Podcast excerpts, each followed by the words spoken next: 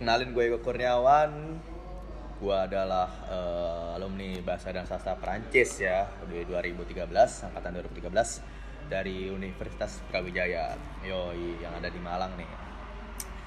Gue baru bikin podcast namanya podcast menggerutu yang di mana gue tuh dulu waktu kuliah sama teman-teman gue sering menggerutu nih jadi sore sore aja kalau beberapa episode dari konten ini banyak menggerutu gerutunya oke Eh, untuk episode pertama gue bakalan eh, ngobrol-ngobrol langsung sama teman gue nih sahabat gue yang rumahnya ada di salah satu daerah di Jakarta Timur perbatasan juga.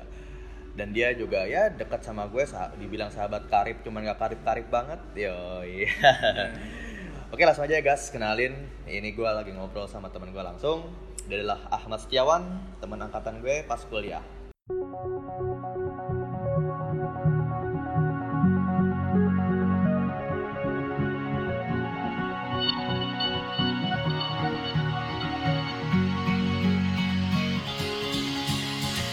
oke Wan apa kabar lo Alhamdulillah, oke sehat-sehat alhamdulillah. baik ya kabar lo ya Alhamdulillah. Ya gitu-gitu aja lah. Oke, gini nih, lu sekarang kegiatan lo apa nih? Lu kerja di mana ya? Nih, kayaknya gue nggak tahu kabar banyak nih dari lo nih. Iya, lu lu sombong sih sama gue sekarang. Gue tuh sekarang udah kerja di salah satu perusahaan startup di Jakarta Pusat yang berhubungan dengan bisnis penginapan. Gue gak mau sebut namanya. Oh, di bisnis penginapan ya. Hmm, ya mungkin modelan apartemen gitu kali ya. Ya, bisa Oh, jadi. Oke, oke. Ya nanti nanti nanti akan biar para viewer yang nebak-nebak kali ya. Oke. Nah, lu sekarang gini nih, lu lu lu rumah jauh nih. Lu kalau keseharian tuh biasanya transportasi apa yang lu pakai gitu loh. Gue tuh kerjanya di lapangan kan. Jadi ya mau gak mau gue harus bawa motor. Pagi, pulang malam. Jadi gue muter-muter Jakarta tiap hari. Oh, lu kayak ini ya, eh, apa yang di lapangan tuh biasanya tuh kayak orang proyek lo ya di jalanan mulu ya. Kayak tim. Selain marketing lah, marketing ya. Oke, marketingnya, marketingnya. Nah, terus eh, lu, lu lu lu lu katanya pernah sempet jadi pengajar, staf pengajar tuh bener nggak sih apa emang emang lu eh, suka pada bidang akademis apa gimana lo? Lu bisa jelasin nggak sih? Biar ntar pendengar. Dulu ya iseng-iseng aja dok gue kan pernah apa dulu kan emang emang kita kan bahasa Prancis nih ya kan gue kan suka nih Ya udah itu ada lowongan eh, disuruh jadi pengajar di tempat les bahasa asing ya udah gue ngajar di situ tiga bulan doang Oh lu pernah jadi eh, pengajar selama tiga bulan. Nah itu lu kan sebelumnya belum pernah ngajar nih. Suka dukanya apa sih? Kira-kira apa kendala juga yang pernah lo temuin gitu selama di dunia ngajar mengajar bro? wah suka duka ya panjang nih bisa lima menit sendiri nih gue Ada apa-apa. ya. suka duka dukanya dulu kali ya dukanya tuh ya ya kalau dapat ini apa murid yang bandel ya murid yang bandel yang susah yang manja gitu kan lo harus extra effort lagi lah buat ngajarin mesti sabar ya. udah lu udah ngomong gak didengerin gitu kan ya lu tau lah ngomong gak didengerin tuh Oh, parah banget tuh. Ya, sukanya ya kalau dapat murid yang enak yang gampang gitu yang enak diajak ngobrol pinter tuh ya enak banget sih sampai sekarang kok ada satu murid gua sampai sekarang Hmm. dia udah lulus kuliah masih kontak-kontakan sama gue Nah terus si kontak eh, yang pernah kontak-kontakan sama lo sampai saat ini tuh gimana? Maksudnya apakah dia masih berhubungan dengan bidang eh, bahasa Perancisnya atau memang ada kendala dalam masalah lesnya? Apa gimana tuh Bon? Dulu kan dia pas gua ajarin tuh dia kayak masih semester 6, semester 7 gitu ya nah sekarang dia udah lulus tuh dari UPH UPH coy Wah, Gila, kan? gokil tuh, mahal. Iya, sekarang udah kerja di perusahaan trading company gitu di Jakarta, gue lupa namanya, udah sukses. Tapi dia masih suka nanya-nanya bahasa Prancis sama gue, masih suka konsultasi gitu. Seberapa paham sih lo sama bahasa Perancis sebelumnya? Apa emang lo terobsesi sama negara Perancis? Apa lo pengen ketemu Karim Benzema atau apa yang lain kan nggak tahu bro. Jadi lo lo gue pengen tahu nih kenapa sih lo lo so, suka banget sampai lo katanya pernah lulus Delft itu tuh apa motivasi lo gitu loh dan bahasa Perancis tuh untuk kehidupan sehari itu sebenarnya apa sih relevansinya Kalau lulus DAP itu kan emang kewajiban ya, kewajiban kita kan mahasiswa Prancis ya kan. ya jelas itu udah kalau nggak lulus dev ya lu nggak lulus gitu kalau uh, gue sih kalau bahasa Perancis itu ya karena mungkin bahasanya yang romantis terus bahasa satu bahasa wajib oh, sorry salah satu bahasa yang resmi lah bahasa internasional di dunia kayak gitu jadi dipakai juga sih tapi nggak banyak sih nggak sebanyak bahasa Inggris Oh ya tuh dev tuh apaan sih? Lu tuh lulus standar kelulusannya tuh gimana maksudnya? Sistem sistematis orang bisa lulus dev tuh gimana sih? Dev itu ya kalau simpelnya ya itu kalau bahasa Inggris tuh kayak TOEFL gitu. Tapi lu nggak main skor, dia mainnya level per level. Lu tes itu di level yang mana, bukan ngukur skor dev lu gitu. Jadi kalau misalnya lu mau terjamin atau lu mau ada garansi untuk bisa bahasa Prancis ya itu lo harus ikut Delft itu itu seumur hidup ya Wah artinya Delft itu emang seumur hidup ya dan kita kalau emang udah lulus itu ngikutin itu artinya ya bisa ngejamin lah lu kita pinter lah ya bahasa Perancis gitu ya nggak Iya. sih? Kan kali aja buat pendengar kita ya ada yang ada yang nggak tahu bahasa Perancis tuh Delft tuh apa sih kak? Gitu kan. Seberapa sulit sih bahasa Perancis gitu loh. Dan juga gini nih eh, kalau misalnya lu dulu tuh yang pas waktu zaman sekolah SMA apa lu kepengen apakah lu relate banget sih sama Perancis nih? Kayaknya gue di Perancis deh gitu. Apa gimana sih menurut lu? Sampai detik ini apa gitu loh. Ya gue dulu emang suka banget sih bahasa Prancis sampai gue pengen nge-apply beasiswa cuma buat bisa kuliah di sana ya kan? Cuma emang kenyataan ber- tidak berpihak pada gue gue harus uh, mencari duit buat kehidupan gue sendiri karena orang tua gue udah udah nggak punya penghasilan lagi. Jadi gue sekarang lagi nabung nih buat bisa ke sana gitu. Oh jadi lu udah keinginan ke Perancis gitu dengan tabungan lo apa gimana? Itu salah satu impian gue. Gue gue kerja dulu nabung dulu. Baru kalau misalnya emang ada kesempatan insya Allah gue bisa ke sana Gokil, Wawan emang segala segudang prestasinya dia akan berkeinginan untuk ke Perancis ya. Kayak gue guys. Gue mah boro-boro nontonin timnas Perancis saya nggak doyan gue dan juga eh, lu tuh dulu eh, sempet dikait-kaitkan sama emang lu dulu tuh alim lu tuh dulu emang apa ya bener lu tuh dulu Alim? nggak nggak bukan fuckboy kayak sekarang tuh tuh apa sih lu bisa bisa bisa kasih tahu lah perubahan yang lu rasain secara signifikan sampai detik ini di dunia kerja tuh gimana buat ya enggak lah gue enak aja lu agak gue ya gue dulu emang dari SMA itu kan gue sering ikut rohis ya rohis itu rohani Islam gue suka tiap hari Jumat tuh setiap pulang sekolah gue selalu ikut kayak kajian-kajian di sekolah ngaji segala macem. Gue juga emang dari dulu nggak pernah ngerokok. Jadi pas ke kuliah itu gue emang tetap kuat dengan dengan pegangan gue gitu. Karena emang rokok itu emang basicnya emang udah gak bagus ya kan dan gue juga gak ngerokok jadi buat apa ngerokok kayak gitu. Dibilang alim sih enggak ya gue gue gak alim banget gila. Gue masih suka nongkrong gak jelas sampai malam pulang malam gitu sih Iya, gak apa-apa sih Bon kalau dibilang anak alim atau bukan yang penting kan gak ngelupain kewajiban kita ya Bon ya. Iya. Sebagai umat Islam. Oh ya, lu kan dipanggil babon nih. Kenapa sih bisa gue jadi ikutan manggil babon lah atau wawol atau apa nih? Itu mungkin kan yang pendengar ada yang nggak tahu ah, dari mana sih itu orang manggil babon-babon siapa sih? Nah, lu Oh, siapa sih lu, itu lu, lu, lu kasih tahu deh kenapa siapa pertama kali pencetus gitu kan yang manggil lo nama-nama aneh dulu si itu tuh si Idam tuh si Mahdi. Panggil gua pas lagi semester 2 tuh kan lagi ujian sastra tuh lagi ujian sastra. Gua masuk kelas tiba-tiba manggil gue eh babon sini lu. Duduk sini sama gua babon. Satu kelas denger men. Satu denger kan ya udah dari situ gua langsung anak-anak langsung babon babon. Anjir kata gue melekat sampai sekarang sampai gua kerja nih anjir Oh jadi eh, idam lah ya salah satu teman kita juga yang Iya, ikut itu. eh, manggil Nih, Idam nih kalau denger nih, emang nih Idam nih. Tuh dam bagi yang lu yang dengerin tuh lu menyebabkan salah satu lawan mengalami pergeseran makna atau enggak lo ya kan? Dan juga lu tuh katanya doyan musik nih buan maksudnya eh gue pengen tahu dan yang lain pengen tahu bagaimana selera musik lo tuh Selera musik apa nih yang gue dengerin? Lagu-lagu yang denger, gue dengerin gitu betul ya. Gue sekarang tuh lagi sebelumnya gue emang suka semua genre suka. Gue suka menghargai semua musik.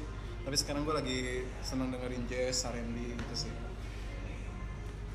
tapi kan lu dulu katanya nih katanya gue pernah dengar lu tergabung dalam sebuah band beraliran metal gitu kan yang namanya Waduh. kurang paham mungkin lu bisa bisa bisa kasih tahu nih gitu loh kenapa lu suka em, metal tapi lu ke Metal, jazz ya. dan lain-lainnya. Metal tapi anak rohis gitu kan nggak jelas banget kan. Yo ikan gaul banget tuh, bro.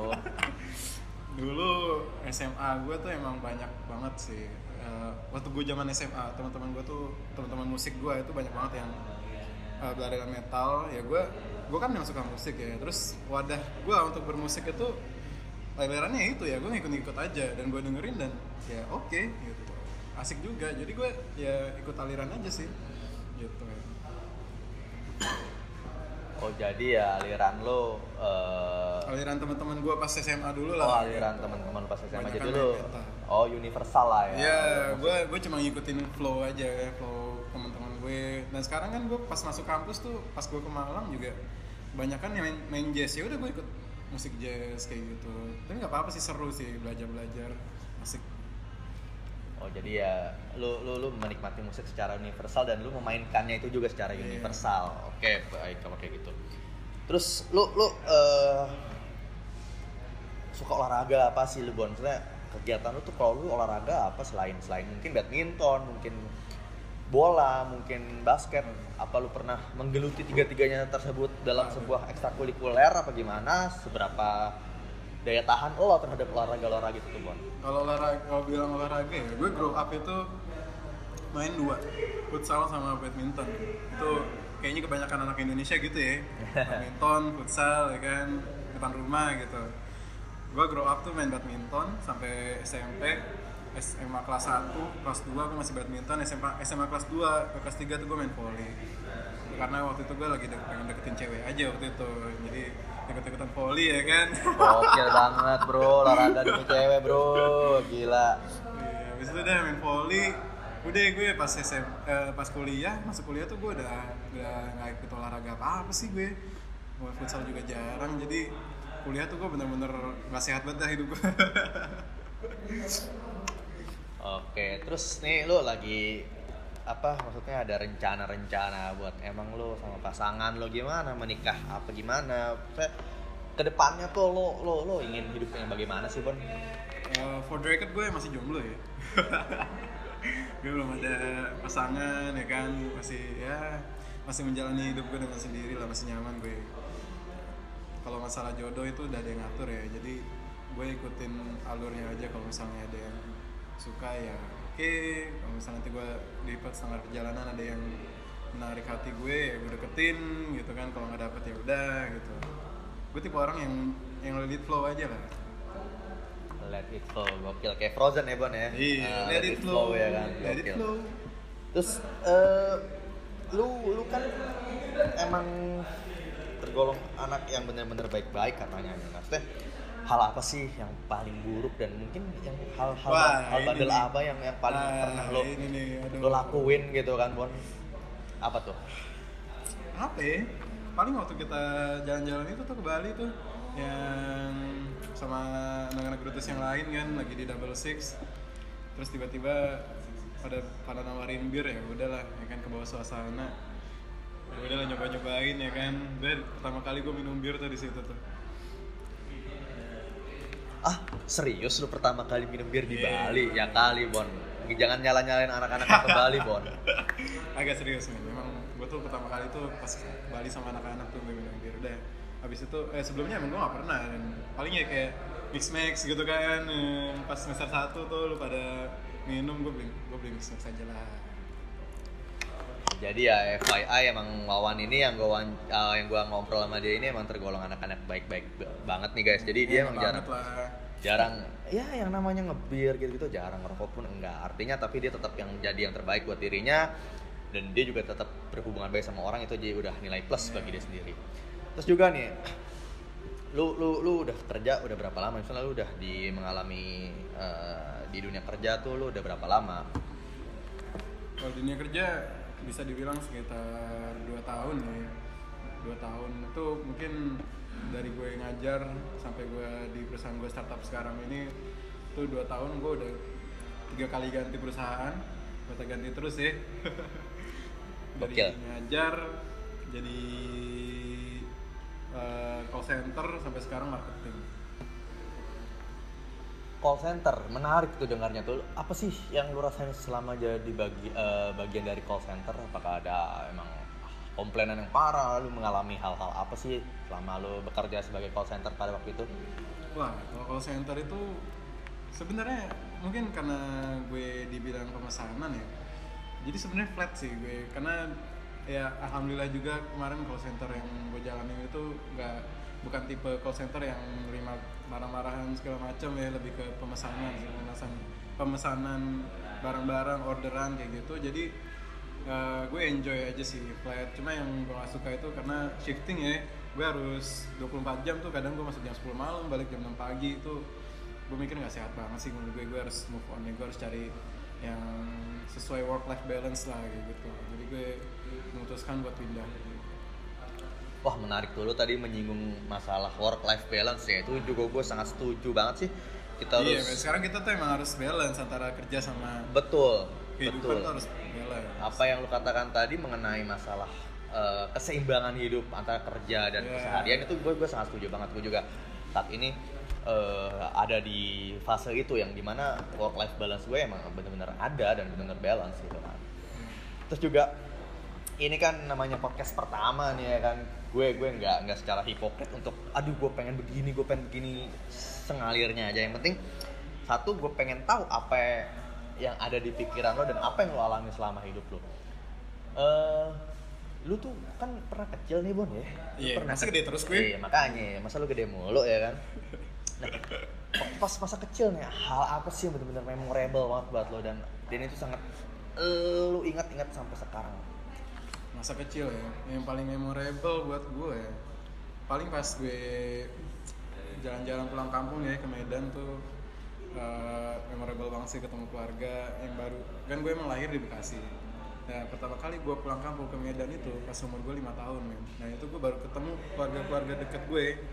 Yang seumur hidup gue belum pernah ketemu cuma diceritain doang terus gue ketemu. Nah itu tuh bener-bener bener-bener apa ya udah keinget sampai sekarang gitu gue jalan-jalan ke mana gue makan apa aja ketemu siapa aja tuh gue masih ingat sampai gue kaget se sedekat itu mereka gitu ke gue gitu. kok bisa sih lu lu, lu pulang kampung ke Medan emang gimana sih silsilah lu? Maksudnya lu lu lu asal dari mana? Gue eh, orang tua gue orang Medan. Mereka ke Jakarta ngerantau bikin keluarga di Jakarta. Kakak-kakak gue semua lahirnya di Jakarta. Cuma kan eh, sering lah gitu pulang kampung. Karena kan kakek nenek dulu pas masih hidup ya mereka masih hidup tuh eh, di Medan. Jadi ya mau nggak mau ya gue harus pulang ke Medan gitu. Dan jarang banget gue keluarga gue tuh kebanyakan ser- keseringan tuh ngerayain lebarannya di Jakarta gitu. Tapi waktu itu pas ke Medan tuh ketemu kakek nenek gue ketemu tante paman segala macam tuh bener-bener memorable sih itu oh jadi ya lu eh, keluarga lu sisanya di Jakarta lah sebagai misal lu emang berapa bersaudara sih? Kakak gue empat. Gue anak lima terakhir. Boh, kok beranak pinak bro. Iya dong. Ini paling kecil tapi badan paling gede. Paling kecil tapi badannya paling gede. Itulah Iya. si Wawan ini teman gue ini. Nah terus dari empat bers eh, lima bersaudara ini yang paling dekat sama lu yang mana? Lu kan punya kakak empat nih. Nah paling deket ya waduh. Semuanya deket sih. Semuanya deket sih. Sama semuanya punya semuanya punya kedekatan yang sama lah. Gue nggak ada yang spesial. Gue paling deket sama yang pertama yang kedua enggak. Sama semuanya kayak gitu. Oh gitu. Eh, tapi udah pada nikah semua kakak lo atau gimana? Tinggal satu doang nih yang kakak gue yang kedua tuh yang udah udah dilengkapin dua kali nih kakak gue yang ketiga sama yang keempat nih. Dia tinggal nikah habis itu gue deh terakhir Gokil Wawan nanti segera menikah kita tunggu aja guys ya silakan amin Terus eh, mengenai mungkin kita punya masalah selera yang sama nih Bon. Artinya di mana lu pernah eh, menikmati musik. Gue juga gue juga penikmat musik gitu loh.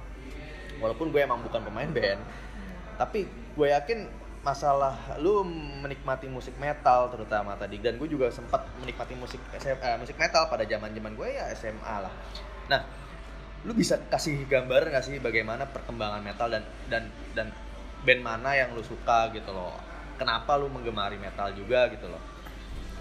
Kalau dulu pas gue masih main musik metal ya, kalau dulu bilangnya tuh hardcore kali ya, hardcore. Itu gue referensi gue tuh Asking Alexandria, lo tau lah ya kan? Asking Alexandria tuh terkenal banget di musik metal, terus gue juga Alessana, eh Alessana tuh nama band apa nama lagu sih lupa gue aja. karena nama band Nama nama, band band, ya? bro Alessana bro Alessana nama band ya. Nama lagu kali Alessana tuh. nama band ya? nama band Alessana ya itu begitulah pokoknya tuh Oh. lagu Alessana gitu Hmm. terus apalagi ya Metallica tuh gue Oh. dengerin juga ya apa aja lah yang menurut gue masuk lah ke genre gue kayak gitu terus gue sebenarnya udah gak ngikutin lagi sih metal nih maksudnya sejak gue ke Malang tuh pas gue kuliah itu kan gue udah bener-bener putus tuh dari permetalan musik pindah ke jazz. Teman-teman gue yang satu angkatan sama gue tuh yang deket-deket gue tuh mainnya musiknya jazz. Ya udah mau nggak mau gue menyesuaikan lagi kan gitu. Jadi sejak itu paling gue tinggal apa ya nggak pernah ngikutin berita musik metal segala macam. Gue paling cuma iseng-iseng nyetel aja gitu. Ya mungkin aja berkembang kali ya musik metal gue nggak tahu tapi ya setahu gue gitu sih nggak gue nggak ngikutin lagi jadi ya gitu Oke, jadi, jadi emang ya cukup menarik ya eh, selera musik metal yang digemari ya masih Wawan ini nih. Terus eh, lu lu kuliah, lu kuliah Ya. selama 4 tahun ya. 4 Ya. tahun itu kan ya waktu yang cukup lama ya kan Ya. ya. Lu nikmatin gak sih masa-masa kuliah lo? Wah, itu sumpah ya. Orang kan banyak bilang kalau masa SMA itu masa paling indah ya kan. Wah, kalau gue emang gue akuin ya, masa kuliah gue tuh paling indah sekarang ini. Bener-bener kehidupan rantau di Malang tuh bener-bener wah membuka pikiran gue banget deh. Wawasan gue jadi luas banget. Gue bisa meningkatkan toleransi kehidupan gue. Teman-teman gue juga alhamdulillah dapet teman-teman yang asik, nggak yang apa sih nggak yang macam-macam semuanya berteman dengan baik gitu kan. Gue enjoy banget sih kuliah di Malang 4 tahun tuh. Malah ke, gue gue pengen ya setelah lulus tuh gue malah pengen kuliah lagi anjir kayak kayak aduh masuk kuliah ke dunia kerja nih langsung pusing bawaannya tapi ya gitu lah kita harus menghadapi kehidupan ya kan. Betul banget. eh, jadi 4 tahun di Malang oke banget. Jadi Babon emang eh, sekuliahan sama gua, satu jurusan sama gua dan dia menikmati kuliahnya guys. Emang seru sih gua akui kalau kuliah di Malang emang apalagi kita merantau dari Jakarta gua dari Tangerang artinya kita ketemu di satu kota yang di mana tuh kota, kota anggaplah kota netral dan itu benar-benar anjir nih tempat kita banget lah. Ya Bon ya. Apalagi pas awal ketemu kita jalan-jalan dan kuliah tuh emang gokil banget sih. Iya. Apalagi ya tapi lu lulus duluan itu tapi nggak masalah ya seenggaknya. Lu telat ya Gua pas gue 4 tahun bro. Empat tahun? Empat Yakin lu? tahun bro. Bukannya 6 tahun ya? Waduh 6 tahun gue praktis doang Ih easy bro. Eh, IPK berapa IPK? Ya kalau IPK mah itu hal yang sensitif bro. Lu kalau nanyain gue IPK Enggak ya, bercanda. Emang Ya, Ya gak usah semua usah orang dijawab lah Gak, gak, gak banyak yang tahu lah Iyalah, nggak lah. lulus ilmunya berguna Iya. buat nusa dan bangsa Bisa kerja di perusahaan terbesar, salah satu perusahaan terbesar ya kan? Betul banget, apalagi gue sekarang kan ya Alhamdulillah udah kerja dan juga gue Iya. oke lah gitu lah deh gitu pokoknya Eh, mungkin eh, nggak tahu ini mau berakhir kapan seenggaknya gue pengen tahu apa sih eh, kesan-pesan lo untuk ke depannya bagi orang-orang di luar sana artinya eh, bagaimana cara bersyukur cara dan lain-lain mungkin lo punya petuah-petuah kayak kayak orang-orang gitu kan yang bisa lo sampaikan. Kasih tahu bang. Eh, buat gue ya, eh, buat teman-teman yang lain yang menjalani hidupnya saat ini, perbanyakin bersyukur aja, disyukuri apa yang ada, jangan terlalu melihat kehidupan orang lain, perbanyak meningkatkan kualitas diri sendiri. Semoga eh, apa ya, eh, tidak terpengaruh oleh sosial media sosial media yang jangan terlalu melihat rumput tetangga lebih hijau karena kehidupan kita sebenarnya lebih baik nih. Gitu. Oke, gokil banget sih emang tadi quotes-quotesnya Babon tuh ya kan Jangan lihat rumput tetangga yang selalu lebih hijau Tapi kita harus melihat rumput sendiri dan kita harus bersyukur atas itu Oke guys, mungkin eh, itu aja yang bisa eh, gue akhirin Gue juga belum nemu bumper nih kayaknya guys Gue juga bingung Ntar lah semoga podcast gue Iya. bisa mengalir Intinya paling gue akan terus update masalah podcast dan ke depannya. Untuk bagi para pendengar jangan lupa share bantu. Kali aja nih podcast bisa terkenal lah ternama. Bantu dengerin. Bantu dengerin sebar. Yang penting gue gue butuh dukungan kalian semua. Karena ini juga podcast baru merintis. Iya. dan gue kayaknya nama podcast ini gue ngejual tongkrongan gue Iya, Grutus ya, Grutus itu ya. ya. Tapi nggak apa-apa gue cinta banget sama tongkrongan. Iya. Oke guys, sekian aja dari gue untuk podcast episode pertama kali ini. Saksikan nanti dan eh, dengarkan podcast-podcast di episode selanjutnya. Hmm, akhir kata, gue mengucapkan terima kasih. Selamat sore, yoga di sini. Agokil.